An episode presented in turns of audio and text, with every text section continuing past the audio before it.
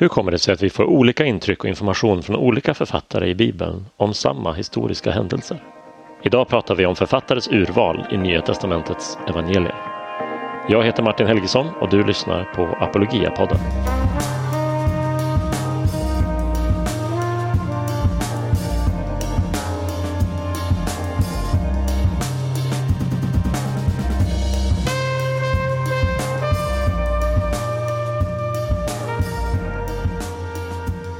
Ja, men eh, då eh, är vi tillbaka i eh, inspelningsstudion, Stefan. Vad kul att öppna upp det nya, eller kanske inte längre fullt så nya året för Apologia-podden med årets första avsnitt. Hur är läget med dig, Stefan? Tack, det är bra. Ett bra läge. Första februari spelar vi in det här, så vi har ju faktiskt gått en hel månad på 2022. Det har ju det, det har ju det. Men eh, ibland behöver man lite startsträcka och eh, vi har ju eh, haft en del annat som vi planerar och eh, jobbar med just nu i Apologia och eh, jag tänkte att det kunde vara ett bra ställe att börja det här första avsnittet innan vi kommer in på, eh, på eh, innehållet om, eh, om evangelierna som vi ska prata om lite senare. Och eh, det är ju helt enkelt att ge lite tips till Apologia-poddens lyssnare om vad som är på gång i Apologia framöver. Och eh, det första tipset som vi vill eh, ge till er det är att redan i, imorgon när det här spelas in och läggs upp så är det morgondagen den 2 februari så har vi vårt första Apologia Live för året. Eh, jag kommer ju faktiskt för första gången någonsin inte vara med på Apologia Live, Stefan. Så kan inte du berätta vem kvällens gäst är och vad han ska prata om?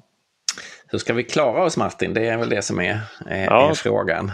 Det, det följer jag med spänning hur det, hur det går för er. Hur det kommer att falla ut. Ja, eh, jag tror vi kommer att klara oss väldigt bra och vi har ju en mycket intressant gäst, nämligen eh, Greg Kukel.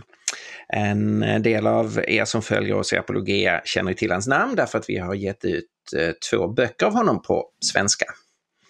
Just det. Histor vi... his historien om verkligheten och eh, hans bok Tactics. Precis, och eh, det är den då som eh, på svenska heter Vinnande taktik. Det är den som sätter eh, agendan för, för Apologia Live, eller hur? Ja, det är det. Och det är ju en väldigt spännande bok om man, om man tittar internationellt på sådana här listor över de mest betydelsefulla apologetiska böckerna så kommer den boken, Vinnande taktik, den kommer väldigt ofta med därför att den, den har ett, ett ganska unikt bidrag. Ja, den eh, bidrar ju inte i första hand med vad ska vi säga, det apologetiska sakinnehållet utan det handlar lite mer om hur pratar man om sin tro med människor omkring en som, som inte delar den.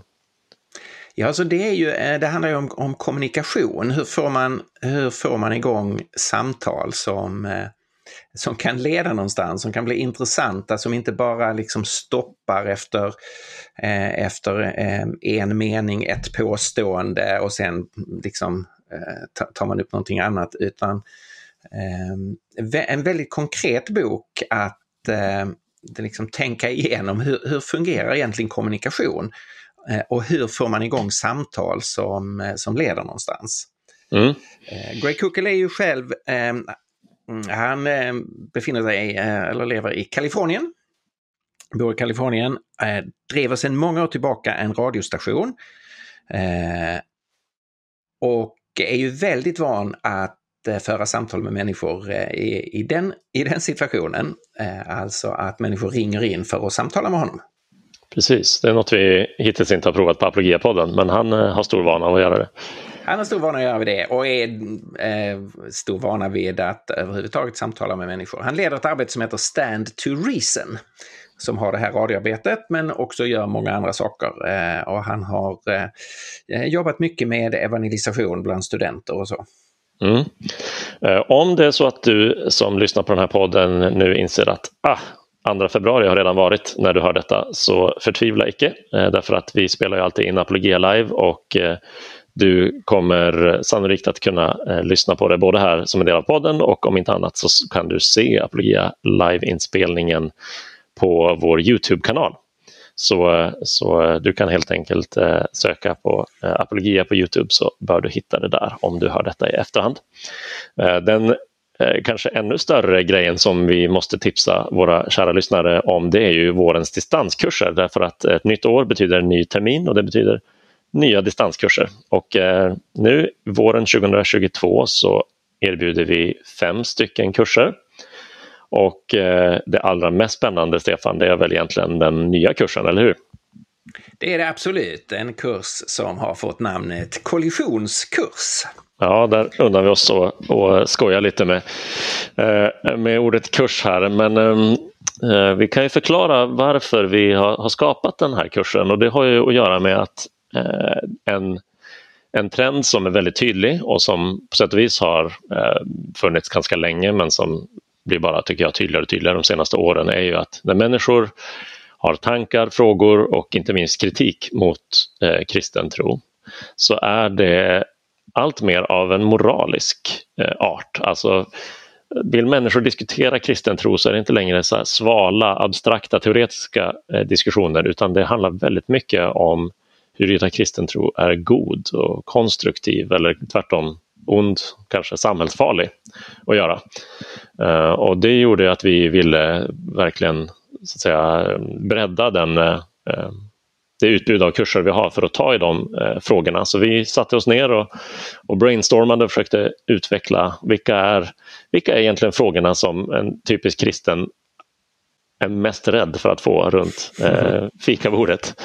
Det är, det, är, det är en sån intressant förskjutning det här eh, från Eh, Eh, från frågan om eh, sant och falskt, liksom sanning och lögn, som ju efter upplysningen eh, har varit en sån dominerande frågeställning. Alltså kristen tro är inte längre, går inte att betrakta som sann utan den är, lögn är kanske fel ord, men den är falsk. Det, det, dess påstående stämmer inte. Det har liksom varit en grund, eh, grundkritik. Men den här glidningen då över till att diskutera, är de påståendena som finns i kristen tro, är de goda eller onda? Mm. Och konsekvenserna av kristen tro, är de goda eller onda? Frigör de människan eller begränsar de och förstör dem för, eh, för människan? Och det har liksom glidit över till de här moraliskt laddade frågorna. Verkligen. Ja, men så vi har ju eh, försökt fånga i, i, lite tillspetsade formuleringar vad det här handlar om och eh, kan ju bara ge några exempel. Eh, vi kommer ha en eh, föreläsning som handlar om frihet och påståendet var och en måste följa sitt hjärta. Vi har frågan om förtryck. Har inte kyrkan blod på sina händer? Eh, patriarkat, är kristendomen mannens religion? Eh, vi har ämnet sexualitet och påståendet Gud har inget i sovrummet att göra frågan om skuld. Är det så att eh, den kristna tron och den kristna trons centrum, evangeliet om Jesu död och uppståndelse, mest bara ger människor dåligt samvete och skuldbelägger, skambelägger. Så eh, det här är bara halva kursen. Eh, det finns ännu så, fler. Massa spännande saker. Vi har ju som en underrubrik här, kursen heter ju kollisionskurs och mm. sen är det ju en underrubrik då eh, om, om eh, krocken Eh, Precis. nu får du hjälpa mig här, hur, hur, är det nu den exakta formuleringen? Att gå ja, från det är formulerat som en målsättning att, att gå från krock. Eh, för krocken, kollisionskursen, den är liksom ett faktum eh, och det är inte målsättningen som vi har utan målsättningen är att gå från det till konstruktivt samtal. Då. Eh, alltså att vi kristna ska bli duktiga på att lyssna på människors frågor och invändningar, eh, mer avslappnade när de kommer och sen tips på hur man bemöter, hur man resonerar med dem och eh, visar eh, både det, eh, de korn av sanning som finns i de här eh, invändningarna och kritiken, för naturligtvis finns det oftast det, men också att eh, den kristna tron i sig själv har en, ett, ett bra svar på dem. Eh, så det är målsättningen, syftet med kursen. Den kommer att vara tio kvällar lång och både du och jag och Ray Baker och Mats Elander kommer dyka upp. Så eh, det här, eh, ni som lyssnar på Apologia-podden, det här tycker jag inte ni ska missa. Eh, det här är en av de fem kurserna som vi erbjuder och eh, vi börjar den 7 februari. Det är mindre än en vecka kvar just nu så gå in på apologia.se eller följ länken i avsnittsbeskrivningen här Eh, för att anmäla dig till våra kurser. De andra fyra som eh, erbjuds är eh, Kristen själavård med Mats det är Förklara och försvara, vår introduktionskurs till kristen apologetik. Det är vår kurs om vetenskap och tro som heter Vänner eller fiender och vår kurs Mannen från Nasaret om den historiske Jesus. Vi vill ju se ett, ett visst liksom minimiantal studenter på de här kurserna så att det här är de fem som erbjuds i nuläget och beroende på Eh, hur intresset ser ut så kan vi eh, eventuellt eh, minska någon kurs eller öka antalet platser på någon annan beroende på vilket som folk är mest sugna på att haka på. Men gå in på Apologias hemsida och anmäl dig bums. Och har du den minsta, eh, minsta känsla för eh, allitterationer så vet du vilken kurs du ska anmäla dig till. Kollisionskurs om krocken med kulturen och hur man går från krock med kultur till konstruktivt samtal om kristen tro. Där satt den Stefan. Det märks att vi båda har, eh, har eh, allittererat i många år. Men eh, det är såklart mycket annat som kommer hända under våren och under året. Men det här kan väl duga som en första smak eh, och en första inbjudan till saker att haka på här eh, under våren i Apologia. Eh, så låt oss ta en liten paus Stefan och sen ska vi komma tillbaka till eh, det som är avsnittets huvudämne, nämligen varför Bibelns författare väljer och vrakar.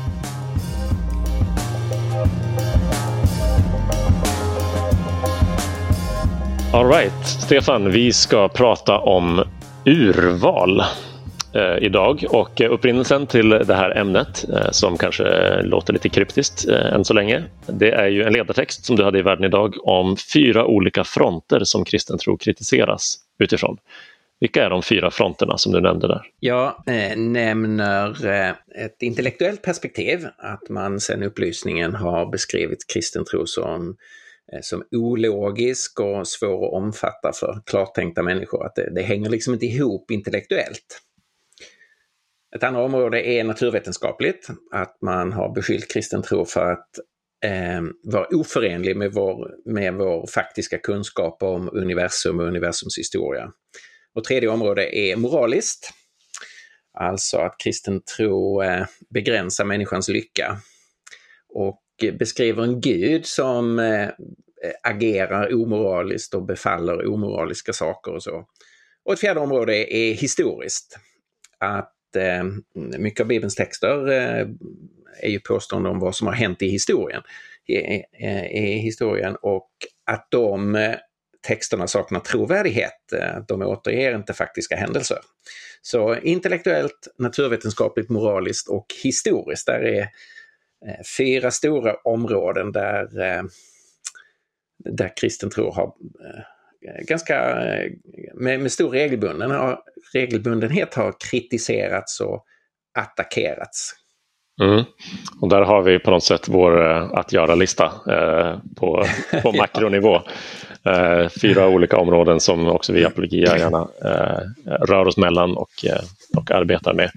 Ehm, sen gick du i den här texten vidare just på en, en särskild del av den här historiska eh, eh infallsvinkeln och eh, jag tänkte att vi skulle prata om det idag och det är frågan om det urval som bibliska författare gör och jag tänker att, att ha någon slags bekantskap eller liksom, eh, förmåga att tänka och resonera kring frågan om urval är ganska viktigt när vi handskas med Bibelns historiska böcker och kanske inte minst när det gäller evangelierna som ju är fyra historiska böcker som i grund och botten eh, berättar samma berättelse ur olika perspektiv. Kan du ge något exempel på, på ska vi säga, kärnan i, i problemet med urval här med de olika evangelierna? Eh, ja, ett, eh, ett, ett väldigt enkelt och konkret exempel är, har med text att göra som vi läste nu under, under julen för en och en halv månad sedan. När man läser födelseberättelserna så finns ju de hos eh, Matteus och Lukas, det är de två evangelier som säger någonting om eh, Jesu födelse i Betlehem. Eh, och då om man läser dem bredvid varandra så, eh, så har de ju mycket som är helt gemensamt, man, liksom, man berättar samma, samma historia.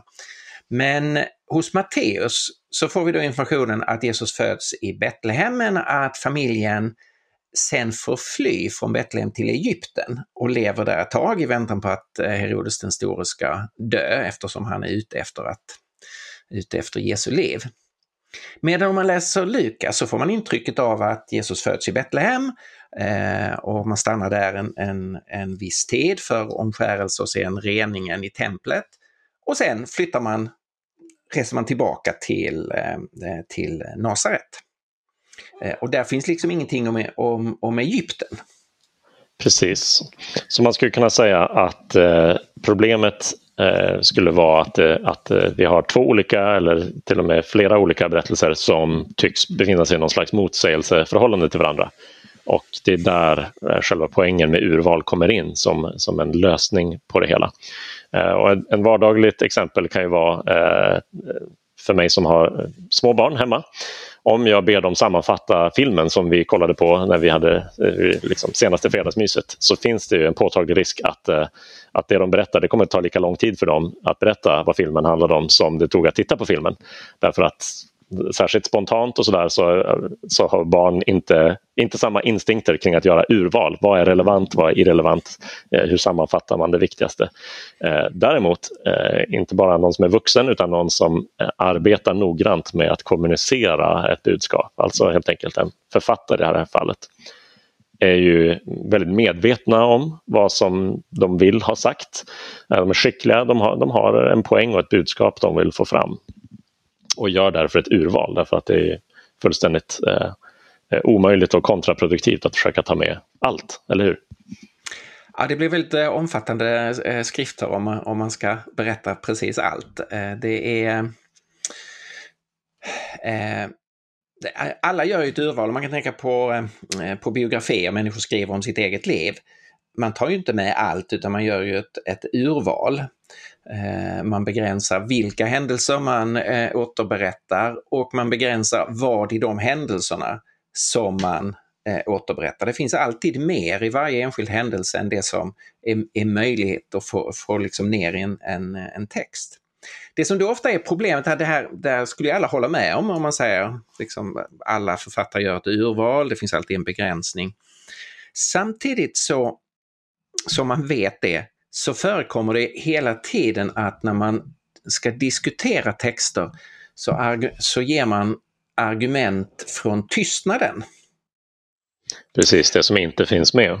Det som inte finns med, alltså att man gör en poäng av eller ser ett problem i att en viss text inte säger en sak. Mm. Eh, och det har eh, väldigt ofta i diskussionen kring saker både i Gamla och Nya Testamentet så liksom flyter det upp till ytan som en, en stor sak. Ja, men den här texten, eh, den här källan säger ingenting om detta. Och så börjar man då dra slutsatsen, därför har det inte hänt eller därför kan vi inte tro på det trots att vi har en annan källa som faktiskt säger någonting om det. Och så gör man för stor sak av argument och tystnaden. Det är ju självklart intressant att konstatera att att Lukas säger ingenting om Jesu familjs vistelse i Egypten. Det, det är ju ett intressant konstaterande. Eh, men man måste vara väldigt noggrann med vad drar man för slutsats av det. Precis, och det är ett problem både i de fall där vi har evangelier som tar med olika saker och när man jämför en biblisk källa med en utombiblisk källa och, och konstaterar att inga utombibliska källor nämner det här. Eh, det är ett problem när det faktiskt är frågan om eh, författare på båda sidor som har budskap de vill eh, föra fram och olika eh, betoningar och poänger de vill göra. Mm. Eh, vi hade ett intressant eh, historiskt, perspektiv, eh, historiskt exempel eh, som du tar upp i texten som du har luskat fram ur, din, ur ditt gedigna bibliotek. Ja, just det. Jag fick jag beställde på ett antikvariat en, en ytterligt intressant skrift som jag fick hem för för inte alls länge sedan, eh, nämligen eh, Plinius den yngres brev. Mm. Och, Riktig kioskvältare. Det är en kioskvältare. Det är ur historisk synvinkel väldigt intressant. Det är 200, 247 brev som är skrivna av en man som hette Plinius den yngre som eh, eh, föddes i början av, av 60-talet och dör eh, 112 eller 100, eh, 113. Och som har ett, ett väldigt intressant, eh, eh intressant liv. Hans, eh, hans mamma är, var syster med en, en, en i antiken berömd person som hette Plinius och vi kallar honom för Plinius den äldre. Precis. Jag misstänker att det är något vi har lagt till i efterhand. Ja, just det. Just det. det stod väl inte riktigt i, i telefonkatalogen. Var inte det han sa när han, han sträckte fram näven och sa hej, jag är Plinius, den äldre. Den äldre, nej just det.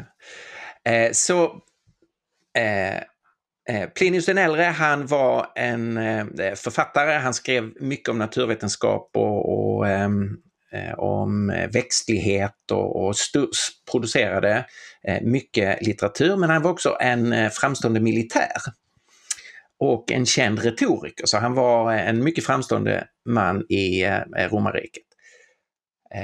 Han har då en syster och hon föder en, en son som vi kallar för Plinius den yngre. Plinius den yngres pappa dör och det, det innebär att, att hans morbror adopterar honom längre fram. Eh, och eh, han kommer sen att kallas då Plinius den, den yngre. Mm. Och det intressanta med Plinius den yngre det är, det är flera olika saker. En sak är att han är den första romerska författare som eh, nämner de kristna. Ja, han brukar ju, hans namn brukar dyka upp i en del eh, apologetisk litteratur därför att han skriver ett brev till eh, kejsar Trajanus eh, och det handlar ju om hur svårt det är att till och med med tortyr få de kristna att eh, avsäga sig sin tro. Och han beskriver ju hur de kristna samlas tidigt på morgonen och sjunger lovsånger till Kristus som till en gud. Det är ju oerhört intressant och ett tidigt belägg för att också utom eh, källor utanför den, den, kristna gruppen så att säga insåg att eh, Kristus eh, tillbads eh, som, eh, som Gud själv och det är inget, liksom, en senare konstruktion som eh, Dan Brown eller andra har försökt hävda. Nej, så det är, det är ett mycket berömt eh, ställe. Plinius vill få kejsarens råd om hur, hur hårt han ska gå åt de kristna, hur ska han, eh, hur ska han agera eh, i relation till den här gruppen som inte bekänner kejsaren som herre utan bekänner eh, Jesus som herre. Eh, men han har också många andra intressanta brev och det, eh, om nu det här brevet till Trajanus om de kristna är det mest intressanta kanske, så är väl det näst mest intressanta är två brev som eh, Plinius den yngre skriver till Tacitus, historikern Tacitus. Som ju är en av de historiker som nämner Jesus och nämner hur Jesus blev korsfäst under, eh, under Pontius Pilatus. Eh, Plinius skriver två korta brev. Eh, och det gör han som ett ögonvittne till vulkanen Vesuvius utbrott eh, år 79 efter Kristus. Mm. Och det här är ju jättespännande att det finns ett faktiskt ögonvittne till detta våldsamma utbrott. Plinius hans mamma och då hans eh, morbror, adoptivfar eh, Plinius den äldre, de befinner sig eh, på andra sidan en vik där eh, eh de kan se Vesuvius på, eh, över viken. Eh, och eh, nedanför Vesuvius ligger det tre städer. Och de ser eh, eh Vesuvius utbrott. Eh, Plinius den äldre beger sig då därifrån. Han tar med sig eh, ett flertal båtar för att rädda eh, flyende människor som tar sig ner till, till stranden och flyr undan vulkanen. Men Plinius den äldre dör själv under den räddningsaktionen.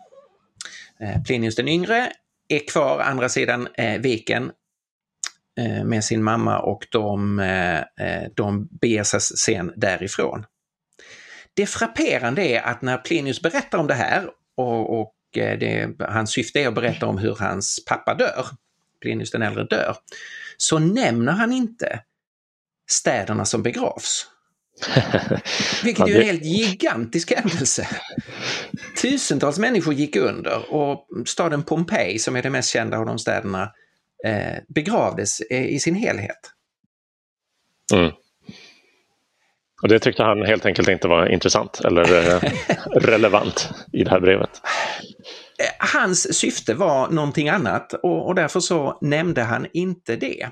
Och det här innebar då att historiker har känt till förstås Vesuvius utbrott. Man har haft en ögonvittneskälla om Vesuvius utbrott, men man hade ingen aning om att Pompeji gick under. Inte förrän 1748 vid utgrävningar så hittade man eh, den begravda staden. Så i liksom, eh, 1600 år eller vad det blir, så var det okänt, trots att man hade ett ögonvittne om vulkanutbrottet, så var det okänt att en hel stad hade begravts och livet i den staden så att säga hade frusits eller ja, av hettan hade stelnat eh, i, i ett ögonblick. Det är ju en alldeles fantastisk eh, turistattraktion idag att besöka staden Pompeji mm. Eh, och, och, utgrävningarna där. Men det här är ju ett, ett fantastiskt exempel på hur en, en en författares syfte eh, påverkar saker. Alltså vad man väljer att ta med och inte ta med. Verkligen. Och det, ehm, eh, man kan naturligtvis diskutera och, och liksom utbrista som jag gjorde då, att det är, det är ett märkligt urval han gör. Men eh, å andra sidan så är det ganska viktigt, tänker jag, att innan man kritiserar någonting, att faktiskt ta reda på vad är det och vad är, finns det till för? Eh, och det är legitimt för en författare att, att eh, välja bort något som inte så att säga hör till saken man faktiskt skriver om. Eh, som, som Plinius gjorde där och naturligtvis som de bibliska författarna gör hela tiden av, av nödvändiga skäl. Inte minst. Så man, man kan bli förvånad över att att eh, Plinius inte nämner att Pompeji begravs. Eh, men det är samtidigt hans, eh, det är hans rätt att göra sitt urval och han har ett annat syfte. På samma sätt kan man bli, förvånad över att de synoptiska evangelierna inte nämner hur Jesus uppväcker Lazarus, som man som bibelläsare kanske tycker är en av de mäktigaste händelserna som så att säga borde återberättas av, av fler. Men Precis. de synoptiska evangelierna de har ett annat syfte, de har, berättar om andra, andra personer som Jesus uppväckte från de döda och har valt att inte ta med den berättelsen om Lazarus. Det är intressant därför att eh, en av eh, författarna till evangelierna, nämligen just Johannes, väljer ju att, att eh, ta upp det här med urval i slutet, den allra sista versen i sitt evangelium, så konstaterar han ju att, att han inte har skrivit ner allt som Jesus sa och gjorde, för hade han försökt göra det så hade inga böcker räckt till. Och det, det kan låta som en överdrift men, men försök själv att sätta dig ner och eh, eh, skriva vad du har gjort under en dag. Ska du nämna precis allting, alla saker du har sett, hört, eh, doftat och så vidare så, så blir det helt hopplösa eh, narrativ som ingen skulle eh, kunna följa och ännu mindre vilja läsa. Så urval är liksom så instinktivt och så självklart eh, och det är jätteviktigt för hur vi mm. bedömer och förstår texter. Om man då går tillbaka till eh, det här exemplet vi började med när eh, Matteus och Lukas ska berätta om Jesu födelse. Eh, så är det ju, så verkar det som om, eller Matteus som berättar om flykten till Egypten har ju ingenting att berätta om vad som hände i Egypten.